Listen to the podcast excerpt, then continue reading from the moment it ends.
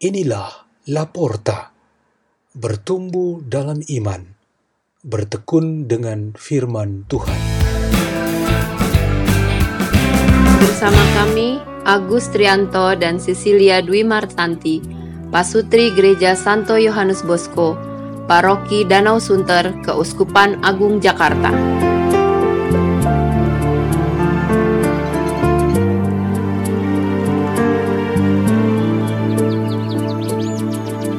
Bacaan dan Renungan Sabda Tuhan Hari Kamis, Pekan Biasa Kelima, 11 Februari 2021.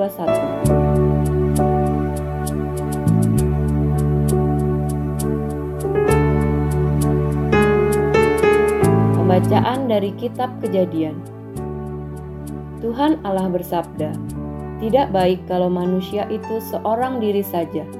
Aku akan menjadikan penolong baginya yang sepadan dengan dia. Maka Tuhan Allah membentuk dari tanah segala binatang hutan dan segala burung di udara.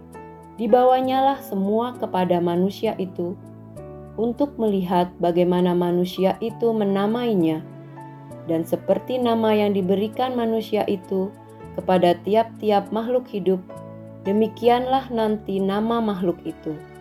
Manusia itu memberi nama kepada segala ternak, kepada burung-burung di udara, dan kepada segala binatang hutan. Tetapi baginya sendiri, ia tidak menjumpai penolong yang sepadan dengan dia. Lalu Tuhan Allah membuat manusia itu tidur nyenyak. Ketika ia tidur, Tuhan Allah mengambil salah satu rusuk daripadanya, lalu menutup tempat itu dengan daging. Dan dari rusuk yang diambil Tuhan Allah dari manusia itu, dibangunnyalah seorang perempuan, lalu dibawanya kepada manusia itu. Lalu berkatalah manusia itu, Inilah dia, tulang dari tulangku dan daging dari dagingku. Ia akan dinamai perempuan, sebab ia diambil dari laki-laki. Sebab itu, seorang laki-laki akan meninggalkan ayahnya dan ibunya dan bersatu dengan istrinya, sehingga keduanya menjadi satu daging. Mereka keduanya telanjang, manusia dan istrinya itu, tetapi mereka tidak merasa malu. Demikianlah sabda Tuhan.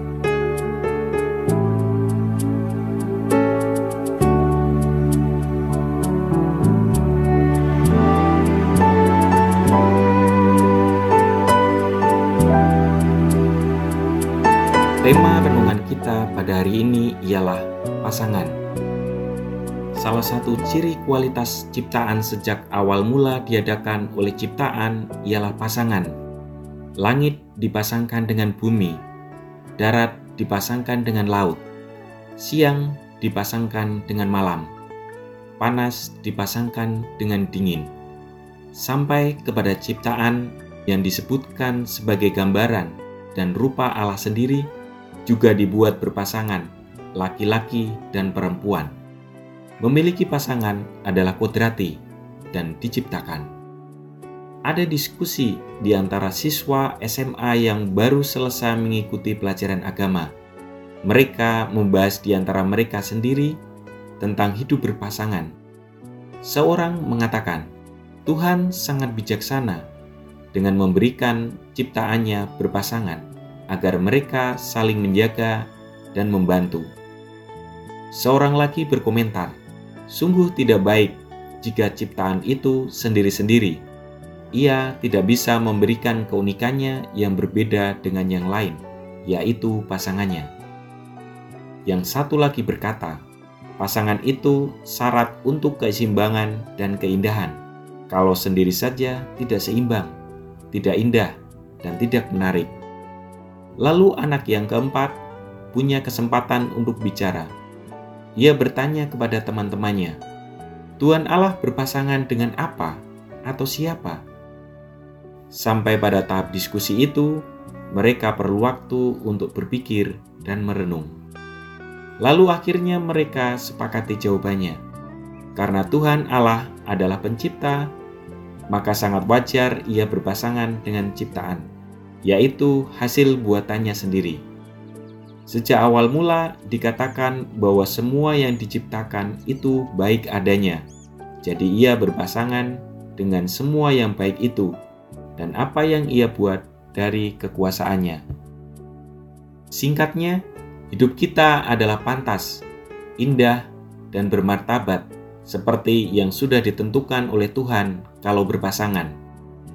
Untuk manusia sebagai ciptaan yang paling mulia, atau dapat kita katakan masterpiece, ciptaan puncak atau terbaik Allah, pria dan wanita diberikan hidup bersama-sama melalui sebuah rancangan yang membuat mereka bergantung satu sama lain.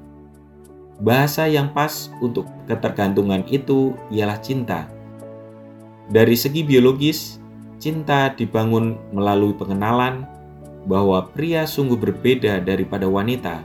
Demikian pula sebaliknya. Jika ada perbedaan atau keunikan, cinta pasti tidak menarik. Dipandang dari segi rohani, cinta kepada pasangan diungkapkan dengan mengikuti teladan Tuhan Allah, yaitu pengorbanan diri Berkorban bagi pasangannya merupakan perwujudannya cinta yang sejati. Tuhan Allah begitu mencintai manusia di dunia ini sebagai pasangannya, maka ia berkorban menjadi sama dengan manusia di dalam diri Yesus Kristus. Yesus Kristus juga begitu sayang dan mencintai kita, seperti yang dilakukan kepada orang wanita kafir demi kesembuhan anaknya maka kita diminta untuk melakukan yang sama. Perintah Allah sangat jelas, yaitu mencintai pasangan kita masing-masing. Tidak ada satupun manusia di dunia ini yang tidak punya pasangan. Marilah kita berdoa dalam nama Bapa dan Putra dan Roh Kudus. Ya Tuhan, jadikanlah kami sejati bagi pasangan kami masing-masing, sesuai kehendak-Mu. Salam Maria, penuh rahmat Tuhan sertamu. Terpujilah engkau di antara wanita, dan terpujilah buah tubuhmu Yesus. Santa Maria Bunda Allah, doakanlah kami yang berdosa ini, sekarang dan waktu kami mati. Dalam nama Bapa dan Putra dan Roh Kudus. Amin. La porta, la porta, la porta.